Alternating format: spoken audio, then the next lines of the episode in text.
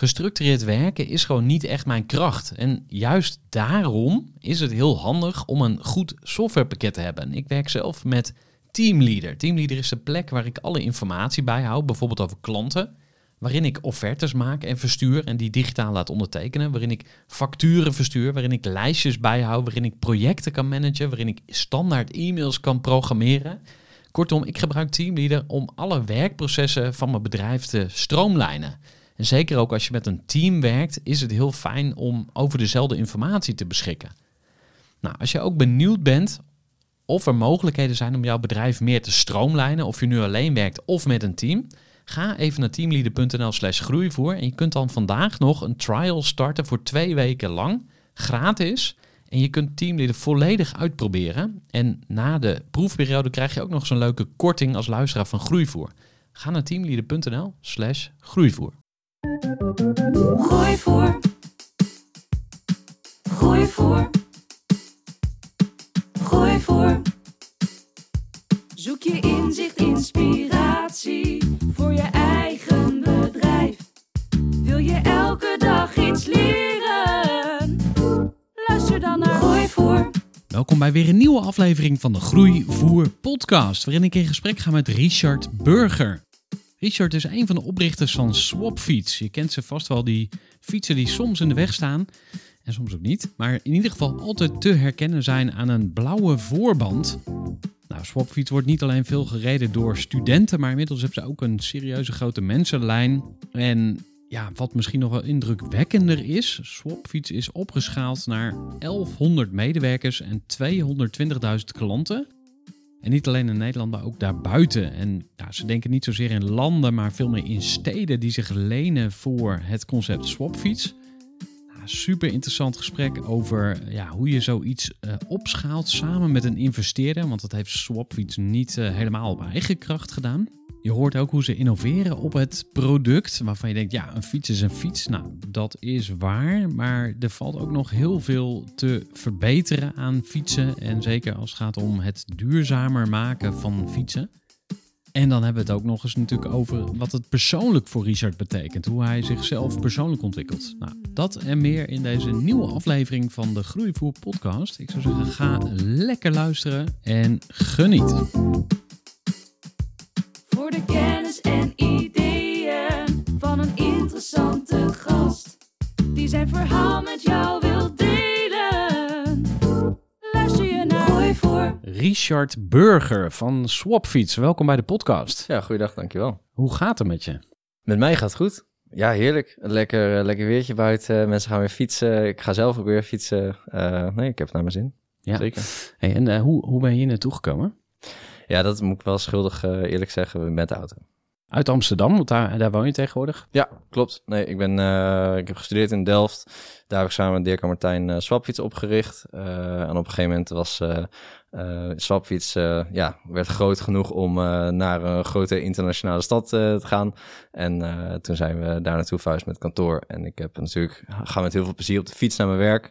Dus ik ben meegegaan. Dus ik woon nu drie jaar in Amsterdam. Ja, hey, en jij hebt ook wel iets met, met buiten zijn. Dat is iets wat we met elkaar delen. Waar komt dat precies vandaan? Nou, ik ben in ieder geval opgegroeid met heel veel eh, bos, groen en ruimte om me heen. Eh, in het eh, mooie kleine dorpje Heino. Niet heel veel mensen kennen dat, maar eh, ik heb daar heel veel plezier gehad eh, in mijn jeugd. En eh, nee, dat, eh, daar geniet ik altijd wel van om weer lekker even naar buiten te gaan. Ja, hey, en ehm, hoe zou jouw moeder jou omschrijven? Want die kent je misschien nog wel het allerbest. Of je vader, jij mag kiezen.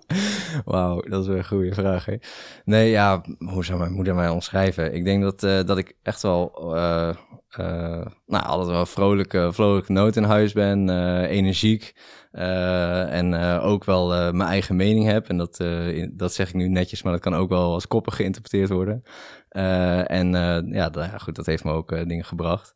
Maar eh, ja, kijk, ik ben eh, de enige zoon, dus ik noem mezelf altijd de favoriete zoon. Dus eh, ja. Laten we eens gaan kijken naar het oprichtingsverhaal van Swapfiets. Je zou Ja. bijna kunnen zeggen een sprookje. Want ik denk dat heel veel ondernemers dromen van zo'n succes. En ja, dan kun je eigenlijk altijd kiezen of je gaat naar een zolderkamertje of naar een garage. Nou, jullie zijn in een garage begonnen. Ja. Neem ons eens mee in die eh, early days. Ja, zolderkamer was lastig eh, omdat je een fiets niet zo makkelijk eh, drie verdiepingen omhoog tilt. Dus dat was, garage was voor ons een logische plek. Ook hebben we het zolderkamertje gehad, omdat natuurlijk, dat is meer dan een fietsen. Ik denk dat hoe het echt is gestart, is natuurlijk met z'n drieën, met Dirk en Martijn, zijn studiegenoten. we studeerden maritieme techniek, scheepsbouw in Delft. Daar leer je niet zo heel veel over fietsen, maar zit je wel vaak met elkaar samen koffie drinken, biertjes drinken. En zo kwamen eigenlijk gaandeweg met z'n drieën op het gesprek van, van de fiets. Uh, van oké, we, bezitten allemaal een fiets en uh, dat is niet altijd even makkelijk. Je moet hem kopen, verkopen. En in dit geval veel studenten pikken hem misschien ook even ergens mee. Of die fiets hangt aan elkaar van, met duct tape en tie wraps en heeft geen verlichting, geen remmen, dat soort dingen. Dus er is veel gedoe. En op een gegeven moment raakten we zaten we van ja, waarom is dat nou eigenlijk zoveel gedoe? En uh, hoe kunnen we dat eigenlijk omdraaien? Uh, we begonnen eigenlijk uh, niet zozeer in de gewoon stadsfietsen, maar meer over racefietsen. dat is tof, lekker een weekendje doen, maar dat is ook duur en moet je kopen en onderhouden. En toen eigenlijk was het shiften het idee van hey, in plaats van racefietsen is eigenlijk een stadsfiets heeft dezelfde problemen. Um, en toen dachten we van oké, hoe kunnen we dat oplossen? En eigenlijk de oplossing is meer dat je het bezit niet legt bij bij de klant. Het bezit hou je bij jezelf, maar de klant laat je alleen ervaren wat de voordelen zijn van het product. Oftewel van A naar B zonder gedoe. Um, en als er dus iets is qua gedoe, bijvoorbeeld een lekker band of hij is gestolen of uh, je wil een andere versie, want je behoefte verandert, uh, dan kun je dat, zou je dat dus gewoon kunnen ruilen, kunnen swappen eigenlijk. En zo is eigenlijk het idee ontstaan. Dus het bezit houden we bij ons. Jij maakt eigenlijk gebruik van als een abonnement. En als er iets is, dan kun je die fiets swappen. En nou ja, zo werd eigenlijk ook de naam Swapfiets geboren. Ja, en eh, tegenwoordig vinden mensen het uh, logisch hè, dat je van, van bezit naar gebruik uh, bent gegaan in je denken. Hè? Dus maar mm hoe ver was het grote publiek, zullen maar zeggen, toen als het ging om dat concept? Ja, ik denk dat, dat wij hebben niet actief gestuurd op dat concept. Dus wij hebben niet gezegd van geen bezit, maar gebruik. Dat is iets wel eigenlijk wat we nu pas recent aan het communiceren zijn. Maar wij hebben eigenlijk gewoon heel erg gefocust op het oplossen van een probleem. Namelijk, je wil gewoon mobiel zijn en niet te veel zorg hebben van het andere. Um, en dat het een, uiteindelijk een abonnement is wat je afneemt, dat is meer een soort van uh, gevolg. Dan dat we echt zeggen, hey, je moet een fietsabonnement kopen. Wij verkopen eigenlijk gewoon service. Um, en dat is wat, wat uiteindelijk ook zichzelf echt verkocht. Dus we zagen gewoon, uh, we hadden de eerste fietsen gekocht, tweedehands, uh, omgebouwd, blauw bandje opgezet. En eigenlijk tegen onze vrienden gezegd uh, van, hé, hey, we zijn live in Delft. En de vrienden deden niet gelijk mee, maar de vrienden van vrienden, die hoorden dat en die namen het af. En die vertelden het verhaal weer door, omdat ze zo enthousiast waren over het concept. dus het verkocht dan uiteindelijk zichzelf. Dus wij hebben niet bewust verkocht bezit naar gebruik. We hebben verkocht, hey, wil je fietsservice. Wil je gewoon van A naar B zonder gedoe. Ja, nee, ik vraag het ook omdat er eh, natuurlijk toen ook al green wheels uh, waren. Ja. allemaal dat soort dingen. Dus het was wel een trend. Maar jullie zijn eigenlijk vrij vroeg dan ook uh, aan de slag gegaan. Maar dat was helemaal niet de insteek. Dus uh, dat, dat is eigenlijk wel wat je aangeeft van... we wilden vooral het probleem oplossen. Ja. Een service bieden. Ja. Het was een succes. Ja. En toen, wat, wat was de volgende stap? Ging je meteen uh, op zoek naar investeerders? Of, uh, want uh, op enig moment is natuurlijk PON op jullie pad gekomen. Klopt. Kun je ons vertellen hoe dat stukje daar naartoe verlopen is? Ik denk dat alles bij elkaar heeft ongeveer anderhalf jaar geduurd voordat de investeerder aan boord kwam. ik denk dat we eerst twee, drie maanden met het idee in ons hoofd hebben gespeeld. dan op een gegeven moment een november bedrijfje opgericht. in januari hadden we de eerste klanten. Um, en eigenlijk was het gewoon meer begonnen als... Wow, dit is echt een idee wat ons helemaal uh, bezighoudt. Dat ons helemaal, zeg maar, s'nachts uh, wakker houdt, bij wijze van spreken, van enthousiasme. Van, wow, uh, waarom bestaat het nog niet? en dat je dan op een gegeven moment gechallenged wordt van... oké, je lijkt op elke vraag een antwoord te hebben. Waarom, waarom ga je het niet gewoon doen? Ik denk van, ja, waarom gaan we het niet gewoon doen? Hè, wat is het ergste wat er kan gebeuren? En vanuit die gedachte, dat enthousiasme, die energie die eruit komt, gingen we gewoon steeds verder groeien en bouwen. En eerst met eigen geld, eigen tijd, uh, tot circa 50, 60 uh, klanten gekomen. Toen uh, een kleine investering opgehaald van vrienden en familie, zijn we naar 150, bijna 200 klanten gegroeid. En, en toen kwam wel het make or break moment van oké, gaan we dit zo houden? Wordt het een leuk klein studentenconcept? Of gaan we dit naar de maan brengen, om het zo maar te zeggen? En toen hebben we wel hebben we voor de tweede gekozen. En dan begint inderdaad een heel verhaal met uh, pitchen, uh, uh, ook wel pivoten. Dus we zijn gepivot van tweedehands fietsen naar nieuwe fietsen. omdat met tweedehands fietsen gingen we het gewoon niet redden. En als je dan op een gegeven moment ja, mikt op groot, in ieder geval groot in Nederland, en je moet naar nieuwe fietsen, dan kom je al heel snel in contact met grote, grote fietsspelers in Nederland. En zo is eigenlijk uh, het balletje bij Pont terechtgekomen. Ja, dus jullie gingen bij wijze van spreken offertes opvragen van, joh, we willen duizend fietsen kopen of zo. hoe, hoe ging dat dan? Bijna wel, eigenlijk. Ja, dus we, we, wilden, waren op een gegeven moment inderdaad in gesprek met Union. Union is een mooi Nederlands fietsmerk. Uh, en toen hebben we inderdaad zo'n zo, zo'n gesprek gevoerd van... hey, goh, als we fietsen zouden inkopen, hoe zou dat dan werken? En, en daar is het balletje binnengerold. En uh, zo, zijn we, zo zijn we inderdaad met ze in gesprek te komen. Ja, en dat proces, hoe, uh, hoe kijk je daarop terug? Want investeerders kan ook een beetje eng zijn. Hè? Dus, uh, je hebt natuurlijk ook angel investors. Dat, dat, dat impliceert dat er ook uh, minder leuke investeerders zijn. De devil investors. Ja.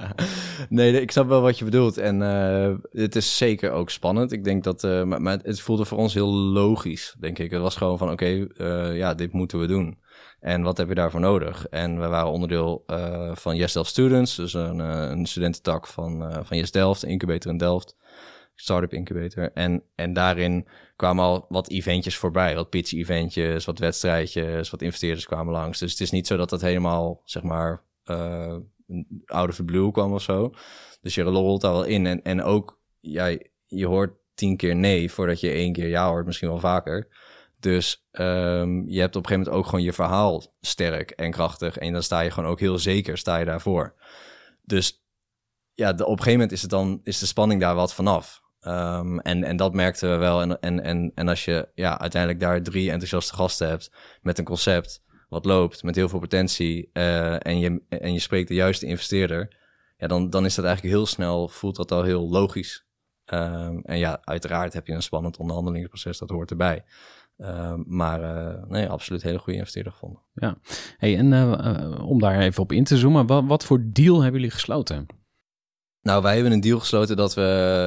Um, wat belangrijk denk ik is in die deal, is dat het, het gaat niet alleen om, om geld met deze partij. Ik denk dat het heel duidelijk is dat er enorm veel kennis in de fietsindustrie zit.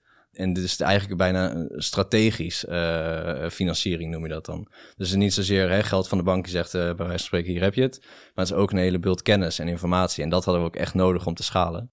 Dus uh, ja, het was een, ik ga niet in de details van het deal, maar het was echt een mooie deal met zowel de financiën om te kunnen groeien en de kennis van Ja. de fietsindustrie. Misschien goed om eens even PON uit te lichten, hè? want dat Mhm. is jullie investeerder. Wat voor bedrijf is dat voor de mensen die het niet kennen? Het is een familiebedrijf, dus een familiepon. eh, die gaat al een aantal generaties eh, eh, mee in Nederland. Ik denk dat ze zelfs begonnen zijn, als ik het goed heb gegeven, met fietsen. Vroeger had je het merk Opel, wat je nu kent van de auto's, maar Opel is volgens mij begonnen in de fietsen. En zij maakten geloof ik die fietsen, of importeerden die fietsen naar, naar Nederland toe. Ik, ik ken de exacte details niet precies. Ze hebben alle fietsen na de Tweede Wereldoorlog, alle fietsen teruggehaald uit Duitsland. Nou dat, ja, dat zou eh, wellicht kunnen. Maar in ieder geval, eh, wa- waar ze groot zijn geworden, waar ze mee groot zijn geworden in Nederland, is uiteindelijk het, eh, het importeren van de ponauto's en daar de dealerships voor opzetten. Uiteindelijk is daar ook een grote tak eh, nu aan fietsen eh, uitgegroeid. Dus grote merken als Gazelle, Cervelo, Focus. eh, de, er wordt nu bijna 1 miljard omgezet in die fietsindustrie binnen PON. En dat is gigantisch. Dus er is ook een enorme focus op die, op die fietsenmarkt. Ehm, en ja, daar zijn ze in Nederland bekend mee. Zijn, uiteindelijk zijn ze ook een wereldwijde speler. Kun je ons dus uitleggen waar jullie nu staan? Hoe ziet Swapfiets er nu uit? Van die drie eh bleuwe studenten zou je kunnen zeggen naar ja, toch wel enigszins imperiumachtige eh, proporties. Ja, dat is, ik, zou, ik zou het bijna een compliment vinden. Het is inderdaad... begint eh, ook helemaal te blozen. Ja, ja, precies. Is helemaal oké. Helemaal, hoog, heel, helemaal gek. Nee, kijk, Swapfiets is dit jaar zeven jaar oud. En ik denk dat we echt zijn gaan schalen vanaf vier jaar geleden, denk ik. We hebben de eerste drie jaar zeker wel zijn we flink gegroeid. Eh, en ook eh, met name in Nederland. Eh, maar op een gegeven moment kwam de internationale groei erbij. Dus daar zag je dat er ook echt wel behoefte was aan de service in Duitsland, België, Denemarken. Dus dat waren eigenlijk de eerste landen waar we naartoe gingen. En wij keken ook meer naar, niet zozeer naar landen, maar we keken meer naar steden. Dus je hebt gewoon buiten Nederland heb je gewoon echt, ja, dat zou je bijna niet zeggen, maar je hebt enorme fietssteden. Kopenhagen is een enorme fietsstad, Münster. Er wordt echt superveel gefietst.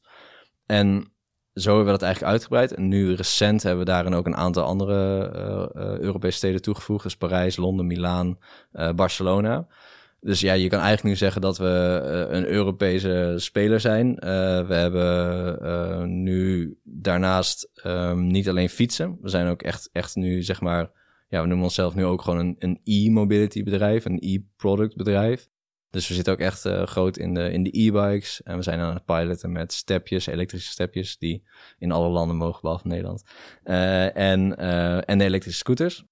Um, dus het is, het is veranderd van, denk ik, een bicycle as a service concept naar nu een, een, een mobility speler, eigenlijk een micro mobility uh, speler. En ik, ja, we zijn de grootste en tot nu toe de grootste in de subscription space. Dus in de abonnementen. Uh, ja, in de abonnementen van mobiliteit. Ja, en hoe hebben jullie de organisatie vormgegeven? Want dat doe je waarschijnlijk niet meer met drie mensen en waarschijnlijk ook niet met dertig. Nee, Nee, klopt. Er werken nu 1100 mensen bij Swapfiets. Uh, dat is uh, door heel Europa. Dat is alles inclusief alle fietsenmakers, de swappers. Um, iedereen die bij onze, ja, we noemen het een swapdesk, dat is de helpdesk, werkt. Um, en ook op het hoofdkantoor in Amsterdam. Daar werken ongeveer 80 tot 100 mensen. Um, en dat verschilt echt van product, inkoop, uh, transport, logistiek, um, marketing, branding, uh, ja, HR, finance, sustainability. En, en we hebben een grote digitale tak, dus we bouwen ook een groot deel van onze eigen digitale infrastructuur. Ja, hey, en van de originele founders, uh, zijn, is iedereen nog aan boord? Of ben je de enige? Of uh, hoe, hoe ziet dat eruit? Nee, we zijn er alle drie nog, absoluut. Ja, ja dus uh, ik ben verantwoordelijk eigenlijk voor alle circulaire en duurzame initiatieven binnen het bedrijf. Uh, Dirk zit in de, doet de, runt de operatie. Uh, en Martijn is verantwoordelijk voor het product. Dus die maakt uh, alle producten en zorgt ervoor dat ze ook op de juiste manier binnenkomen. Even een korte onderbreking met een belangrijke vraag aan jou. Want wat heb jij geregeld voor het geval je van de ene op de andere dag zou komen uit te vallen? Wat gebeurt er dan met je bedrijf, maar vooral wat gebeurt er met jou persoonlijk en ook in financieel opzicht? Samen met ASR voerde ik drie openhartige gesprekken over tegenslag en veerkracht. En dat deed ik met Saskia, Vincent en Pieter. Ondernemers met een bloeiend bedrijf die van de ene op de andere dag niet meer konden werken. En die verhalen hoor je in aflevering 256, 257 en 258 van deze podcast. Als ondernemer wil je natuurlijk niet uitvallen. En daarom is het belangrijk dat je veerkrachtig bent, want voorkomen is beter dan genezen. En als het dan toch misgaat, is het fijn dat je iets geregeld hebt, zodat je weer snel door kunt met ondernemen. Wil je weten hoe veerkrachtig jij nu bent? Vul dan in twee minuten de veerkrachttest van ASR in. Ga naar asr.nl/slash veerkrachttest ondernemers. Ja, hey, en uh, ja, 1100 medewerkers, dat lijkt mij nogal veel. Ik vond uh, eh, 20 mensen al uh, vermoeiend, tussen aanhalingstekens. maar ja, wat, wat voor wat voor skillset hebben jullie moeten ontwikkelen om dat op een goede manier te doen? Ja, kijk, ik, dit is nog eigenlijk nog steeds mijn eerste baan. Als je het zo bekijkt. Ik heb natuurlijk wel wat bijbaantjes gehad uh, uh, vroeger, maar we zijn op een, op een gegeven moment Swapfiets begonnen en dat was eigenlijk vanaf dag één al fulltime. Natuurlijk doe je dat eerst met z'n drieën en dan vraag je wat vrienden om wat bij te komen helpen. En dan het blijft heel groot, tot heel lang voelt het eigenlijk als een groep vrienden die iets vets aan het doen is. Maar op een gegeven moment komt er wel een punt dat je echt, ja, echt wat meer nou ja, manager wordt, om het zo maar te noemen. Dus je, je gaat bepaalde afdelingen maken, je gaat bepaalde teams maken, je gaat mensen aannemen die ook niet per se je vrienden zijn, maar die gewoon goed zijn in wat ze doen en passen bij het bedrijf. En dat zijn, dat is wel een enorme leerschool nog steeds voor mij. Um, en ik denk voor, voor mijn medefounders ook wel dat. Um, kijk, als je daarvoor open staat, uh, als je nu al zegt van ik ben de beste en ik ken het allemaal supergoed, ja, dan, dan loop je tegen muren aan, denk ik dat, uh, dat dat gaat niet de goede kant op. Maar als je ervoor open staat, als je weet toch dat je heel veel te leren hebt, als je daar ook de mensen om je heen voor verzamelt, uh, coaches, mentors, um, ja, en als je ook energie van het leren krijgt, dan kun je eigenlijk best wel goed meegroeien met het bedrijf. En dat is denk ik wel wat, als ik voor mezelf spreek, wat ik wel echt heb gedaan. Van uh, je bewust van zijn dat je, ja, dat je bedrijf groeit en of je groeit mee of het bedrijf groeit om je heen.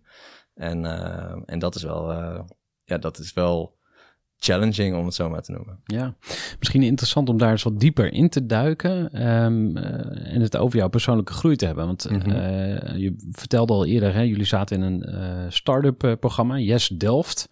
Je had het over een moonshot, hè? Dus we willen echt Ja. planeet aarde veroveren. Daarna kijken we wel verder. Ehm, dat, dat grote denken, wa- kwam dat ook uit dat programma? Of hadden jullie dat al? Of hoe, hoe kijk je daarop terug?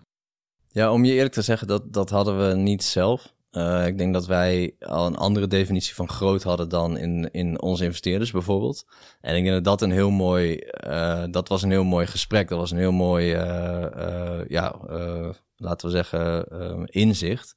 Wat we hadden van oké, ehm, niet van oké, dit heb je nodig om het naar Nederland te brengen. Maar wat heb je nodig om het door Europa te brengen? Of wat heb je nodig om het globaal te brengen? En door die gesprekken meer te voeren, eh, leer je ook op die manier denken. En als dat dan op een gegeven moment ook het doel wordt, dan ga je ook processen en systemen eh, neerzetten die dat kunnen faciliteren. Want er staat altijd wel iets in, in de fik, om het zo maar te noemen. Eh, dus je moet kiezen waar je op gaat focussen. En als je dan iets neerzet, dan wil je niet daar volgende week weer naar kijken of volgende maand weer naar kijken. En ja, op een gegeven moment eh, verdubbelden we elke, ehm, elke eh, volgens mij drie maanden in, in, in werknemers ongeveer. Ja, dan ga je op een gegeven moment eh, wel af van eh, tot in je eentje tot s'avonds laat de uren doortikken naar een systeem wat, wat dat beter faciliteert. En ehm, dat zat er op een gegeven moment zo in, of dat zit er nu eigenlijk zo in, dat dat constant terugkomt in alles wat we doen. Dus eigenlijk alle projecten, discussies, eh, tijd die we besteden is van oké, is dit geschikt om ons in dit geval naar, nou ja, naar nog groter te brengen? En eh, ja, toen hadden we het over een aantal 10.000, misschien wel 100.000 klanten, maar ja, nu gaat het natuurlijk over nog grotere aantallen. Ja, want waar, waar staat het tellen nu op? We zitten nu op iets meer dan 220.000 actieve klanten. Ehm, ehm, en ehm, ja, we zijn nog heel erg in de groeifase. Dus we zijn net gelanceerd inderdaad in Parijs, en Londen en Milaan. Dus dat zijn echt nog wel steden, dat worden, dat worden hele grote steden, ja. Groeivoer. Groeiclub. Je zit nu lekker te luisteren naar dit gesprek met Richard. En het gaat natuurlijk allemaal over opschalen. Nou, en eh, ja, ik help ondernemers groeien, dat is natuurlijk geen geheim. En op 8 juli gaan we weer van start met een nieuwe ronde van Geniaal Groeien. Geniaal Groeien is het groeiprogramma waarin ik ondernemers help om in 12 weken tijd een geniaal groeiplan te bouwen voor hun bedrijf. Je kunt niet in 12 weken je bedrijf compleet veranderen, maar je kunt wel in 12 weken een doortimmerd groeiplan bouwen waar je drie jaar mee vooruit kan. Dit programma is niet voor iedereen weggelegd. Maar als jij denkt, nou, ik wil eigenlijk wel een serieuze stap gaan maken in mijn groei. En ik heb geen zin om dat alleen te doen. Ik kan daar wel wat hulp bij gebruiken. Plan dan even een call met mij in. Dat kan eh, heel simpel. Stuur even een mailtje naar info.groeivoer.nl. Dan ga ik geheel gratis en vrijblijvend met je in gesprek. Dan eh, ga ik met je meedenken over waar je nu staat, waar je naartoe wil en ja, wat jou tegenhoudt. Dus wil je meer weten over geniaal groeien? Wil je een serieuze groeistap maken? En denk je van, nou, ik wil daar wel eens met Gerard over sparren? Stuur even een mailtje naar info.groeivoer.nl en dan eh, spreken we elkaar binnenkort aan de telefoon. En dan nu snel weer terug naar Richard Burger. Luister lekker verder naar Groeivoer. We gaan ook eh, kijken in de spiegel, eh, jouw spiegel dan, van dingen waar je mee worstelt of waar je, eh, wat je wat lastiger vindt. Ik denk een belangrijke uitdaging was wel dat wij internationaal gingen. Dat was wel echt het moment dat je ook eh, heel erg tegen je Nederlandse culturele waarden aanloopt versus eh, onze, onze oosterburen, zuidenburen, eh, onze Deense vrienden. Dan denk je echt van wow, oké, even switchen. Wat gebeurt er dan? Nou, ik denk kijk, Nederlanders hebben ehm, heel, krijgen heel snel een soort van just do it of een soort cowboy mentaliteit. En dat is denk ik ook zeker voor ons nu we hoe we Swapfiets gestart zijn. Van ja, oké, eh, tof, we gaan gewoon starten en we kijken wel wat we tegenkomen. Ehm, en, en dat zie je veel meer, minder bij bijvoorbeeld eh, Duitsers. Daar zie je veel meer van oké, vooraf goed structureel uitzetten, uitdenken en dan als je het zeker weet gaan doen. En dat is ook een kracht. Dat is hun kracht. En, en in het begin loop je daar heel erg tegen aan. Want je verwacht dat zij dezelfde houding hebben. Maar dan loopt dat niet helemaal soepel. En dan denk je, oké, waar komt het dan van? En, en dan ga je het misschien ook wel, ga je er ook aan irriteren. Denk je, oh, eh, denk je dat je iets goed uitgedacht hebt, dan weten ze alsnog tien gaten erin te schieten. Maar op een gegeven moment kun je dat omzetten in een kracht. En kun je dat zeggen, hey, goh, we denken dat we het zo moeten. We weten het ook niet helemaal precies. Heb jij misschien de tijd om er ook even naar te kijken en even alles op te schieten wat je kan vinden? Dan nemen zij ook meer ownership ervan. Dan voelen zij daar ook, zich ook meer betrokken in. En dan krijg je uiteindelijk echt een rock solid proces.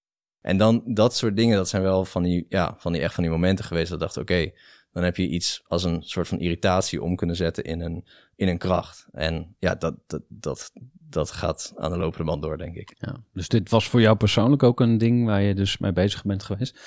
Uh, hoe krijg ik dus andere mensen mee? Ik Mhm. moest ook denken aan uh, How to Win Friends and Influence People van Dale Carnegie. Uh, een heel oud boekje al, Mhm. maar daar, daar gaat het ook echt over dat ja, eh, dansen met mensen die het niet met je eens zijn. Hè? Dus Mhm. in plaats van dat je tegen gaat duwen, uh, moet je eigenlijk meeveren. Uh, ja, Aikido, hè? dat is ook Ja. zo'n sport waarin je echt moet meebewegen. Ja. Um, hoe kun je dan toch jezelf blijven?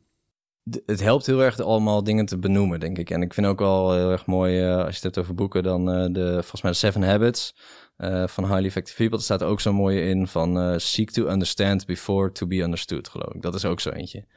En, en daarin, daarin is ook echt proberen te begrijpen waar zo iemand of zo'n groep of team, waar dat vandaan komt. En vervolgens ook hè, dat te delen waar, jij mee zit. En dan ook gewoon zeg ik, hey, misschien is het wel heel Nederlands van mij om dit te zeggen, maar hoe ik er naar kijk is dit en dit en dit.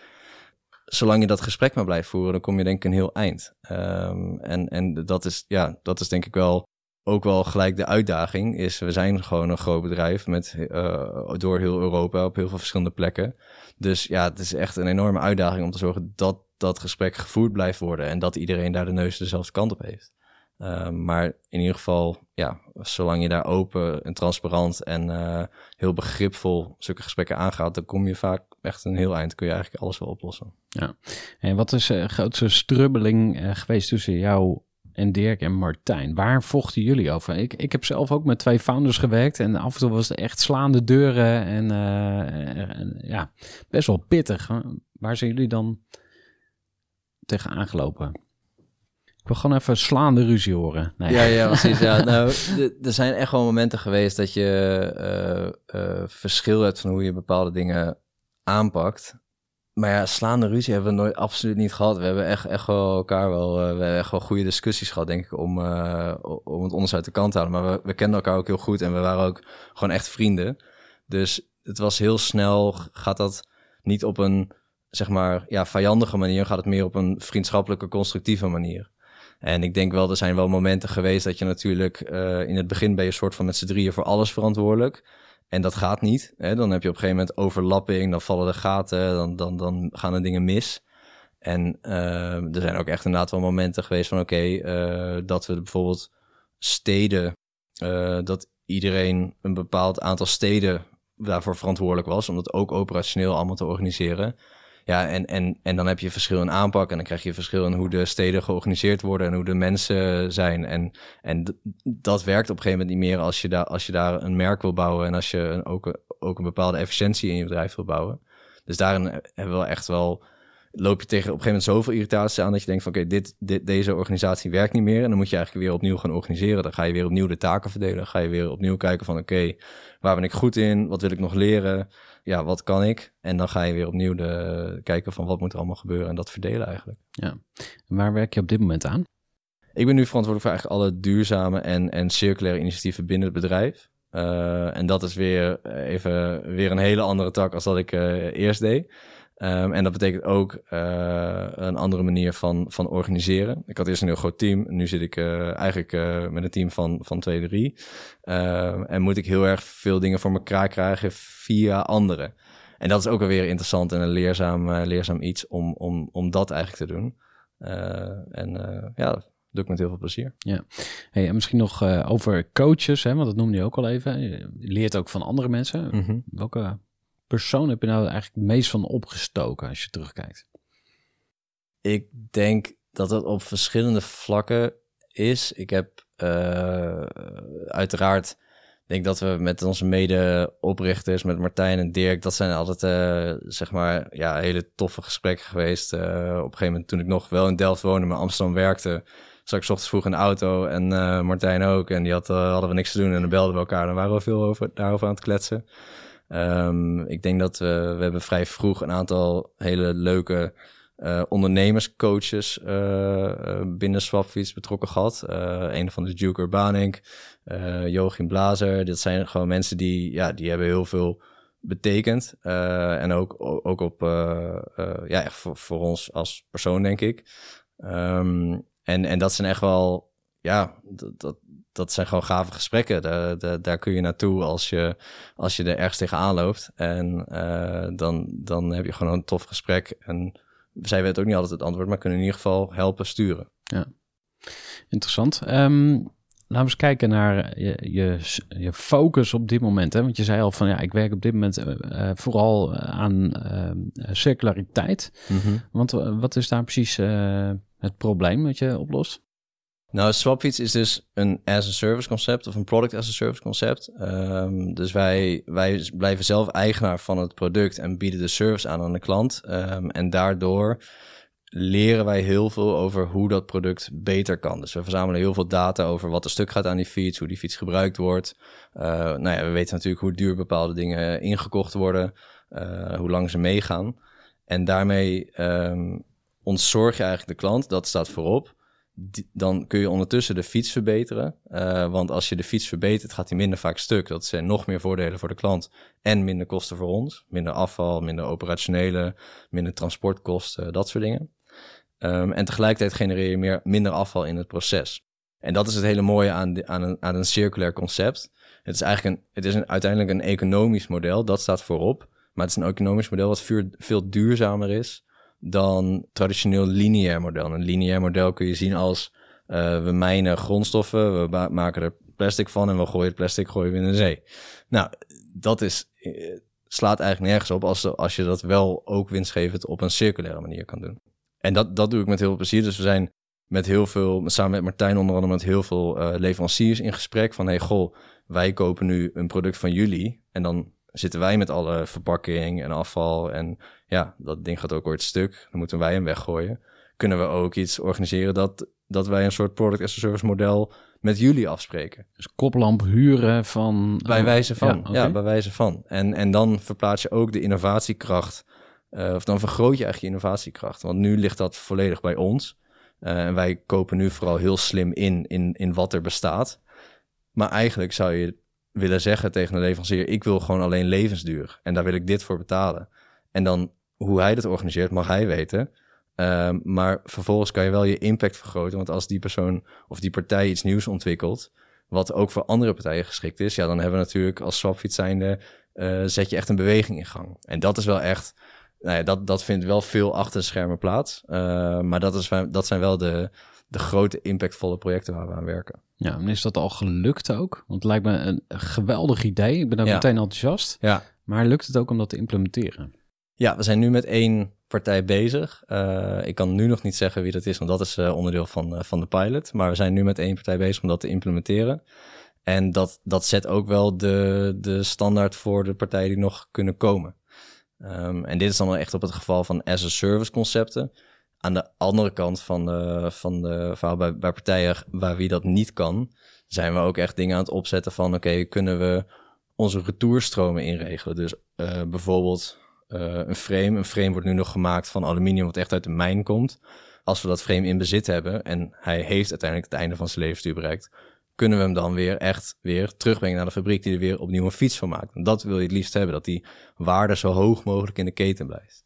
Um, dus het is veel meer, veel mensen zeggen circulaire economie, dat is gewoon recyclen. Maar het is veel meer dan dat. En uh, ja, dat is wel echt heel tof. Ja, en dat daagt jou ook intellectueel weer uit of zo? Zit dat er ook een beetje achter? Tenminste, ja, ik proef iets van de engineer die ook heel blij is dat hij weer gewoon echt problemen mag tackelen. Ja, zeker weten. Dat, dat ook. Het is ook een leuke technische challenge. Maar ook de ondernemer, die, die, ik, ik zie hier gewoon een enorme kans. Uh, dat, dat het en economisch voordelig is, um, en ook nog eens een, een beter voor de wereld is. En omdat het ook nog niet bestaat, ja, dus dat is stiekem wel een, eh, nou, ik wil niet zeggen een ego-dingetje, maar dat- als we, als we dit voor elkaar krijgen, dat, eh, ja, tuurlijk, dat is hartstikke stoer. Hey, en ehm, je hebt ook een bepaalde koppigheid nodig hè, om eh, innovatie Mhm. vooruit te brengen. Dat, dat vertelde je zelf, hè, dat jouw jouw moeder dat ook wel, of je zou zeggen, koppig, of in ieder geval vasthoudend. Ehm, Vastberaden, denk ik. Ja, ik moest ook denken aan Elon Musk, hè, die dan... Ik las zijn biografie en er kwam een medewerker bij hem en die zei: Ja, ik heb een onderdeel gevonden, dat kost 60.000 dollar. En dan zei hij: Ja, maar ik weet zeker dat het voor 600 eh, dollar kwam. En dan lukt het hem ook. Hè? Dus eh, hoe, hoe ziet dat er bij jou uit? Nou, als je me nu vergelijkt met Elon Musk, dan eh dankjewel. nee, maar ehm, ik denk niet dat het op, op dat niveau bij ons gaat. Maar ehm, je hebt wel een bepaalde soort van vastberadenheid nodig om dat wel voor elkaar te krijgen. Dat je, je doet, we doen echt wel iets anders dan de bestaande spelers in de markt. En je zit dus ook in die wereld van eh, suppliers en aanvoer. En die echt heel erg gefocust zijn op dat ehm, verkoopmodel. Dus echt eh, jaarlijks wisselende modellen, nieuwe kleuren, nieuwe technologie. Eh, het is bijna fast fashion te noemen, maar dan in de fietsindustrie. En, en, Ja, en zeker bij wielrennen is dat bijvoorbeeld ook. Hè? Elke, Ja, elk precies. seizoen weer een nieuw model. En ik dan, bedoel, schijfremmen was in één keer hip. Dan moest iedereen schijfremmen Ja. hebben en allemaal dat soort dingen. En waarom eigenlijk, weet je wel? Eh, en, ja, en- marketing, geld verdienen. Nou, dat ook. En het is, dat is absoluut, dat incentive is heel duidelijk. Eh, want want de, de, de performance winst is eigenlijk marginaal. Wij, draaien, wij hebben dat eigenlijk helemaal niet nodig. Dus wij kijken naar een product van, oké, wat, wat voldoet het aan de behoeften? En, en eh, we weten nu dat het nog niet de perfecte kwaliteit is, maar is het product geschikt om in de toekomst eventueel bepaalde eh, nieuwe producten op toe te passen? Eh, dan proberen we het alvast zo ver mogelijk vooruit te denken. En dan zetten we eigenlijk die fiets in de markt en proberen we die zo lang mogelijk in leven te houden. Ehm, Want hoe lang gaat zo'n fiets dan mee?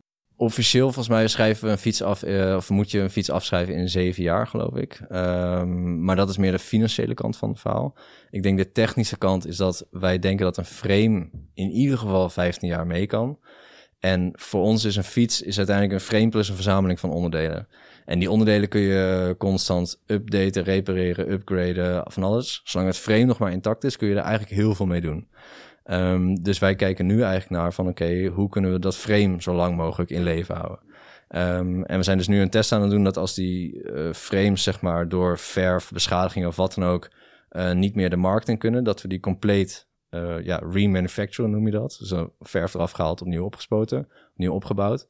Als je dat kan doen voor de kostprijs of lager, ja, dan eigenlijk blijft zo'n fiets Eeuwig in het systeem. eigenlijk Ja. wel. Ja, eigenlijk wel. Interessant. Dat zou een mooi doel zijn. Ja, want wat, wat is jullie missie? Ik, ik kwam iets tegen over een leefbare stad. Is Ja. dat het? Of eh, nog andere Ja, nee, ambities? Zeker, dus wij, wij, wij, wij zoeken dat dan wel uiteraard in, in de mobiliteit. Hè?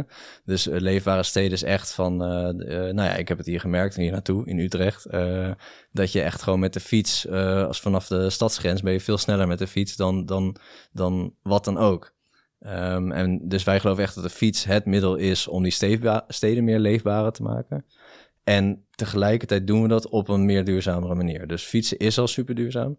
Geloof ik 90% minder uitstoot dan een auto voor dezelfde rit. En volgens mij na schaatsen de meest efficiënte vorm van eh, vervoer, eh, van transport. En tegelijkertijd doen we dat dus ook nog op een circulaire manier, wat nog een stukje duurzamer is, waardoor we minder afval in het proces produceren ehm, en daar ook nog wat geld aan kunnen verdienen. Ja. En is er ook eh, kritiek op jullie missie? Ja, absoluut. Ik denk, Noem eens iets. Nou, kijk, dat, je hebt natuurlijk hè, het, eh, het bekende greenwashen. Eh, dat is iets wat dat je zegt wat je doet, maar eigenlijk niet doet. Of overpromised of wat dan ook. Ik denk dat wij absoluut een hele grote ambitie hebben neergezet door te zeggen wij willen naar een 100% circulaire fiets. Eh, want dat, dat hebben we nu nog niet. We zitten nu op ongeveer 88%. En natuurlijk krijg je zeggen dat ga je nooit halen of eh, dat kan helemaal niet. Of, eh, maar je rijdt nu nog met autootjes rond door de stad. Echt zo, ja, dat klopt. Heb je helemaal gelijk in. Maar we gaan het, dat is toch onze ambitie. Daar willen we toch voor gaan. En, en dat, dat soort van gekke, grote doelen stellen, gaat je, laat je dus ook op een andere manier denken. En kom je er ook, ja, volg je wellicht ook een andere route dan andere mensen hebben gevolgd en kom je op andere plekken. En dat is wel echt iets wat we, ehm, ja, wat we, wat er ook wel echt iets van Swapfiets is. Gewoon hoge doelen stellen en ervoor gaan. En dan kom je op een plek waar je niet had gedacht dat je zou komen. Ja. Hey, en eh, misschien even over andere spelers in de markt. Hè? Want we- hoe definieer je dan eigenlijk de markt? We- we- ja, denk- je zei, we zitten in de service business. Dat is misschien wel Ja. heel algemeen, maar... Ja, mobiliteit eigenlijk, mobiliteitsmarkt, fietsmo- Ja, je- officieel heet het zelfs micromobiliteit, maar, maar dat is dan weer heel, heel specifiek. Maar dat gaat meer over de, laten we zeggen, de, de last mile solution. Ehm, en wij richten ons dan vooral op steden. De, de, de, de markt waar wij er echt naar kijken is, is in ieder geval de, dus die mobiliteitsmarkt. En dan heb je eigenlijk drie smaken daarin. Dus je hebt bezit. Eh, dat is gewoon eh, wat de meeste mensen kennen. Je koopt een fiets of je koopt een scooter en die heb je. Eh, daar heb je ook een verantwoordelijkheid voor. Dan heb je sharing, dat is de andere kant van het spectrum. Dus dat is echt, alles is van iedereen. Dat kennen we in Nederland van het Witte Fietsplan ooit. Nou, dat is uiteindelijk ook ter ziele gegaan, mede dat door dus dat niemand verantwoordelijkheid neemt voor die fiets, omdat iedereen verantwoordelijkheid heeft. Ehm, en eh, wij zitten eigenlijk precies daar middenin. Dus het abonnementsverhaal, het abonnementsconcept lost eigenlijk de nadelen op van bezit en de nadelen op van sharing. Eh, maar geeft je wel de voordelen van je eigen fiets, eh, van A naar B, zonder gedoe. En als er iets is, dan bel je ons en dan fixen we het. En je ziet heel erg in de bestaande, in, in markten als Nederland, Duitsland, Denemarken, komen mensen bij ons die hadden eerst een fiets in bezit en die nemen nu een abonnement. En in de markten waar fietsen nog niet zo ontwikkeld is, dus Milaan, Parijs, eh, Londen, daar zie je dat mensen verschuiven juist van het sharing naar het abonnement. Dus eh, ja, die, daar zitten we eigenlijk. Wij zitten in de sweet spot. ja, precies. Eigenlijk wel.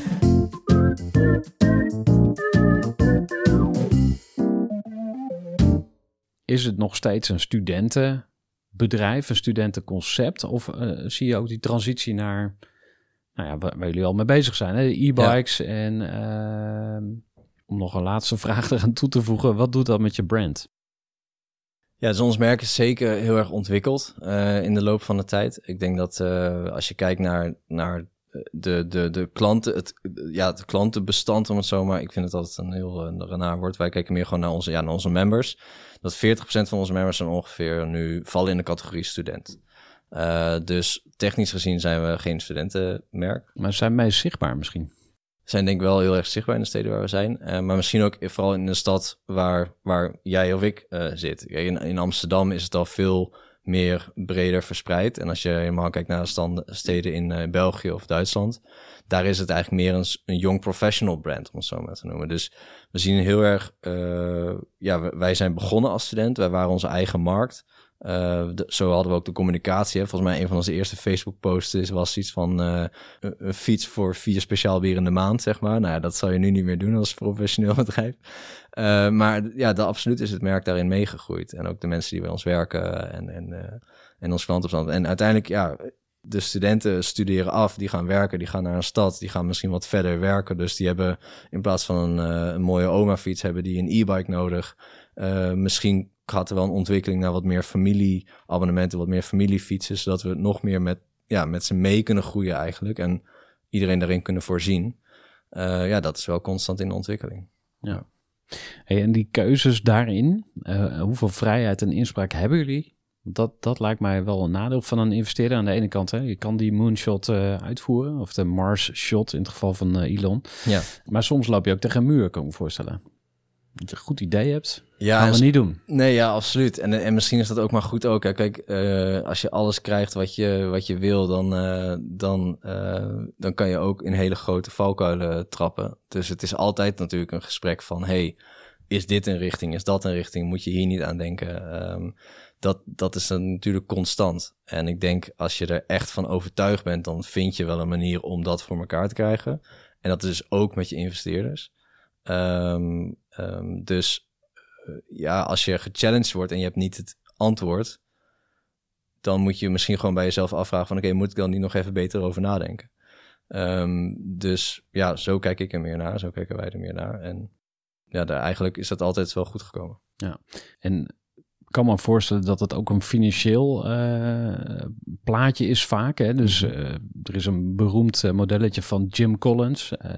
die zegt van als je een succesvolle business wil hebben, moet je drie dingen moet je hebben. Dat is passie, competentie en een verdienmodel. Ja, het hedgehog Dus- concept toch? Precies, Eh, ja. Dus je bent ge- gepassioneerd ergens over. Ja, we moeten 100% vegan eh, fietsen bouwen van eh, whatever, hennepvezels. En ik weet zeker dat we het kunnen laten vliegen. Maar ja, nou, je hebt uitgerekend dat die 1000 euro kost om te maken. Zijn dat, er- is het dan vaak financieel als er een streep doorgaat? Of heeft dat met focus? Want kijk, dat is natuurlijk ook een probleem waar ondernemers mee worstelen. Ja, nee, absoluut. Kijk, eh, je, moet wel focus hebben, want anders dan inderdaad eh, word je of ingehaald of, eh, of, of, of, gaat het alle kanten op. Ehm, grappig wel dat je dat eh, de hennepvezel noemt, want uit- uiteindelijk kun je dat natuurlijk parallel doen. Hè? Dus je kunt het concept wat de basis is, wat heel, wat heel sterk staat en waar met, met name de financiën eh, naartoe gaan, dat kun je blijven groeien en blijven schalen. Maar een, ik denk dat een bedrijf wordt ook succesvol door te blijven innoveren, door te blijven vernieuwen en, eh, en andere dingen te proberen die nog niet bestaan. Want anders dan word je groot met ene concept, maar als dat het is, dan dat houdt op een gegeven moment ook op. Ehm, en en dat, zijn we, dat zijn we wel aan het doen. Dus wat je zegt over de hennepvezels, ja, we kijken letterlijk wel naar, kunnen we bepaalde onderdelen daarvan maken, die wellicht op onze fietsen kunnen, waardoor we niet meer afhankelijk zijn van, weet ik veel, buitenlands aluminium. Eh, Nederland is eh, goed in de hennep, dus, eh, dus daar, daar kunnen we vast wel iets mee. Maar nee, absoluut. Dus, dus, dus daar is nog steeds ruimte voor. Maar je zet er pas een go op als je dat veel beter hebt uitgedacht en veel beter hebt uitgewerkt. Eh, want de, de investeringen nu zijn zeker een stuk groter dan dat ze vroeger waren. Ja, vroeger zeg ik nou, zeven jaar geleden. Ja, het is hard gegaan, eh, jullie eh, groei. Ehm, we gaan eh, ook nog even kijken naar, jullie, naar jouw dromen, jullie toekomstplannen. Maar misschien nog heel even over die, die snelle groei. We hebben het al over je persoonlijke ontwikkeling gehad. Heeft het jou ook als persoon veranderd? Ik kan me voorstellen dat mensen die jou nog kennen uit Heino, dat die dan zoiets hebben van ja, die gast. Ik hoor nooit meer wat van hem. Wat, eh, hij is naast zijn schoenen gaan lopen. Dat is iets heel Hollands, hè, om, om zo te denken. Wat heeft het met jou gedaan? Nou, ik denk juist dat soort opmerkingen die brengen mij weer heel erg in mijn schoenen. eh, want dat is absoluut niet wat ik zou willen. Waarom niet? Omdat ik geloof dat ik heb ook niet de waarheid in pacht. Hè? En, en ehm, wa- Swapfiets is ook ontstaan met, door te blijven itereren, door blijven gesprekken te voeren, door te luisteren naar je klanten, door te luisteren naar je investeerders. En eh, ehm, ja, ik denk dat dat heel erg een, iteratief proces is, juist van luisteren van mensen om je heen. En, en uiteindelijk, ja, we hebben het wel gedaan, absoluut. En dat heeft heel veel, heel veel energie gekost en eh, ook heel veel, eh, heel veel mooie dingen opgeleverd. Maar het is wel echt iets wat je, ja, wat ik geloof dat je niet op je zolderkamertje kan doen alleen. Eh, het is echt dat je, dat je daar wel het gesprek aan gaat. En nu heb ik het idee dat we dat nog steeds wel blijven doen. Ook alle vernieuwingen die we doen, die proberen echt wel met ja, partnerships, met, met ja, als een soort van systeem aan te pakken. In plaats van standalone, eh bij wijze van spreken, wat meer ja, ar- arrogantere houding. Zo probeer ik nog wel ook ja, benaderbaar te blijven voor, voor iedereen binnen Swapfiets, maar ook buiten Swapfiets. Ehm, en, en ja, je hebt natuurlijk wel 24 uur in de dag, net als iedereen. Dus je kan helaas niet alles doen. Je kan niet eh, iedereen nog kennen in een bedrijf van 1100 man. Ehm, maar eh, in ieder geval doe ik daar wel mijn best voor. Ja, ja want ehm, ik weet bijvoorbeeld van eh, Jitse Groen van Thuisbezorgde. Die doet gewoon geen interviews. Die, Mhm. ja, misschien één keer per jaar of zo voor de FD of de quote of wat dan ook. Maar zegt ja, eh, elke uur wat ik aan het lullen ben, zeg maar, Ja. dat helpt mij niet verder. Misschien dat hij ook wat negatieve publiciteit gehad heeft, dat weet ik niet. Dat kan ook meespelen. Maar in ieder geval, ja, je tijd bewaken, dat is natuurlijk een hele belangrijke skill. Ja. Wat, wat zijn andere dingen die jij, eh, waarvan je zegt van dat zou elke ondernemer eigenlijk moeten doen? Wat, wat mij in ieder geval heel erg geholpen heeft, is, is ook inderdaad dat, dat netwerk om je heen van, eh, van vrienden, familie, coaches, mentoren, die, waarmee je dat kan delen. Eh, want soms is het best wel, nou ja, ik wil niet zeggen stil, maar het is soms, er wordt wel veel van je verwacht. En eh, zeker, m- eh, je zit met je, met je oprichters, met je mede-managementteam, zit je in hetzelfde schuitje. Maar iedereen is rammend hard aan het werk. En, en ja, als je een heel team onder je hebt en eh, je hebt veel mede-management team members die, die het ook heel druk hebben, ja, dan, dan is het soms best wel stoeien met jezelf. Lonely at the top of zo? Dat idee? Of? Ja, ik, denk, ik zou het zeker niet, niet lonely willen noemen, maar het is gewoon een enorme uitdaging. Om dat zelf, eh, eh, ja, eh, dan maar zelf het antwoord te gaan zoeken of vinden of de juiste vragen te stellen. Dus door wel de mensen om je heen te hebben bij wie je met bepaalde vraagstukken terecht kan, ehm, heb ik eigenlijk nooit echt dat gevoel gehad dat het, dat ik, dat het niet de top was. Want je hebt al die mensen om je heen. En, en dat zou ik zeker wel aanraden. Ja. Dus je hoeft het niet alleen te doen. Absoluut niet. Gewoon lid worden van de Groeiclub voor ondernemers. Ja, die laat ik niet open. Nee, precies. Goed. Mooi. Eh, ja, eh, Swapfiets heeft een enorme vlucht genomen. Wij gaan nu samen ook even een, een vlucht nemen, namelijk een droomvlucht. Dus we gaan eh 10, 20, jij mag zeggen, eh, Zo. even 100 lichtjaar in de toekomst vliegen. En dan kijken we terug, eh, of kijken naar de aarde eh, vanuit het universum. En wat hoop jij dan te zien over 20 jaar? Je kijkt naar jezelf voor alle duidelijkheid. En, en misschien Ja. een swapfiets, of misschien ook niet. Misschien heb je het wel Ja. verkocht. Eh, maar neem ons eens mee in jouw toekomstplaatje. 20 jaar is, is echt bijna niet voor te stellen, omdat je, we bestaan zeven jaar. dus dat is meer dan eh, nog, eh, nog het dubbele. Ehm, ik denk, wat, wat ik echt hoop te zien, is dat we... kijk, we hebben nu bepaalde risico's genomen in bepaalde steden. eh, waarbij je hoopt dat je daar een, ook een succesvol concept neer kan zetten. Wat ik uiteindelijk hoop te zien, of dat nou eh, bij voorkeur wel swapfiets, maar of het nou swapfiets is of niet, is, is dat die dat die beweging van bezit naar gebruik, eh, en in dit geval de mobiliteit, maar eigenlijk in veel meer sectoren, echt is doorgezet. En ehm, ik zou het enorm cool vinden als dat uiteindelijk is begonnen bij Swapfiets. Eh, of nou ja, begonnen. Eh, ik wil niet zeggen dat wij de eerste zijn, maar in ieder geval in de fietsindustrie dat we daar de eerste in zijn. Dat we daar een groot voorbeeld zijn geweest, ook voor anderen. Ehm, en dat zich niet alleen beperkt tot, eh, het, tot, het, tot het, de B2C, dus tot het laatste stukje, maar dat het ook in, in de industrie de gedachte ontstaat van: hé, hey, als ik nou echt dingen ontwerp en bedenk met in gedachten de totale levensduur en ook het einde van een levensduur, dan denk ik dat we een hele mooie wereld kunnen creëren. En, en over twintig jaar, ja, we staan nu wel echt op een kritisch moment in, in de tijd. Hè. De klimaatcrisis is niet meer te ontkennen. Ehm, we zijn de eerste generatie die dat beseft. We zijn ook eigenlijk de laatste generatie die er nogal wat aan kan doen.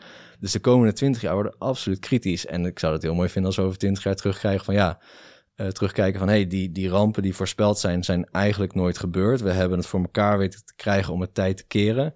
Ehm, en ik geloof dat in ieder geval de circulaire economie daar een grote rol in speelt. En ik zou het mooi vinden als, dat, als, als daar ook eh, wat toe te wijzen is aan swapfiets. En ja, het liefst natuurlijk dan een blauwe band in, eh, in elk fietsrek die je ziet. Dankjewel, Richard. Super. Ja, dankjewel voor het luisteren naar deze aflevering. Als we nog geen vrienden zijn op LinkedIn, voeg me dan ook even toe. Mijn naam is Gerhard Te Velde. Nou, vond je deze aflevering waardevol? Dan is het ook altijd fijn als je een review achterlaat.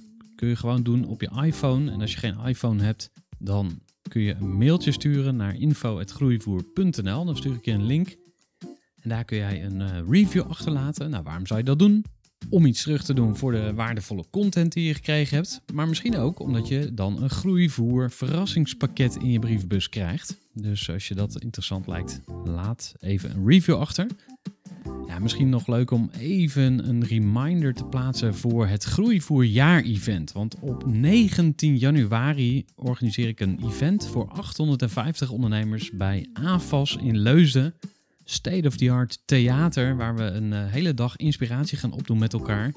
Sprekers, workshops, een boekenmarkt, eh, waarschijnlijk ook een aantal ijsbaden.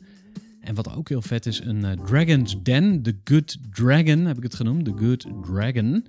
En eh, jij kan daarbij zijn. We hebben tickets in de voorverkoop, in de early bird actie. Als je nu al weet dat je hierbij wil zijn, laat ook even een mailtje achter. info.groeivoer.nl, dan sturen we jou de link om te boeken. Nou, je gaat hier nog meer over horen, maar eh, leuk als je alvast even kenbaar maakt dat je erbij wil zijn. Nou, tot zover deze aflevering. Dank voor het luisteren en graag tot een volgende keer. Gooi voor.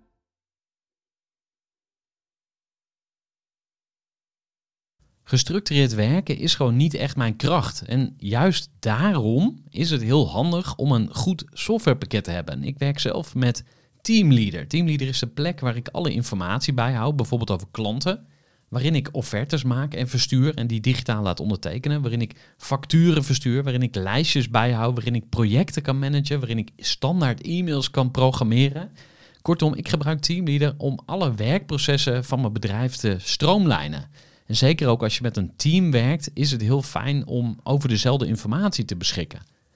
Nou, als je ook benieuwd bent of er mogelijkheden zijn om jouw bedrijf meer te stroomlijnen, of je nu alleen werkt of met een team, ga even naar teamleader.nl slash groeivoer en je kunt dan vandaag nog een trial starten voor twee weken lang, gratis. En je kunt Teamleader volledig uitproberen. En na de proefperiode krijg je ook nog een leuke korting als luisteraar van Groeivoer. Ga naar teamleader.nl slash groeivoer.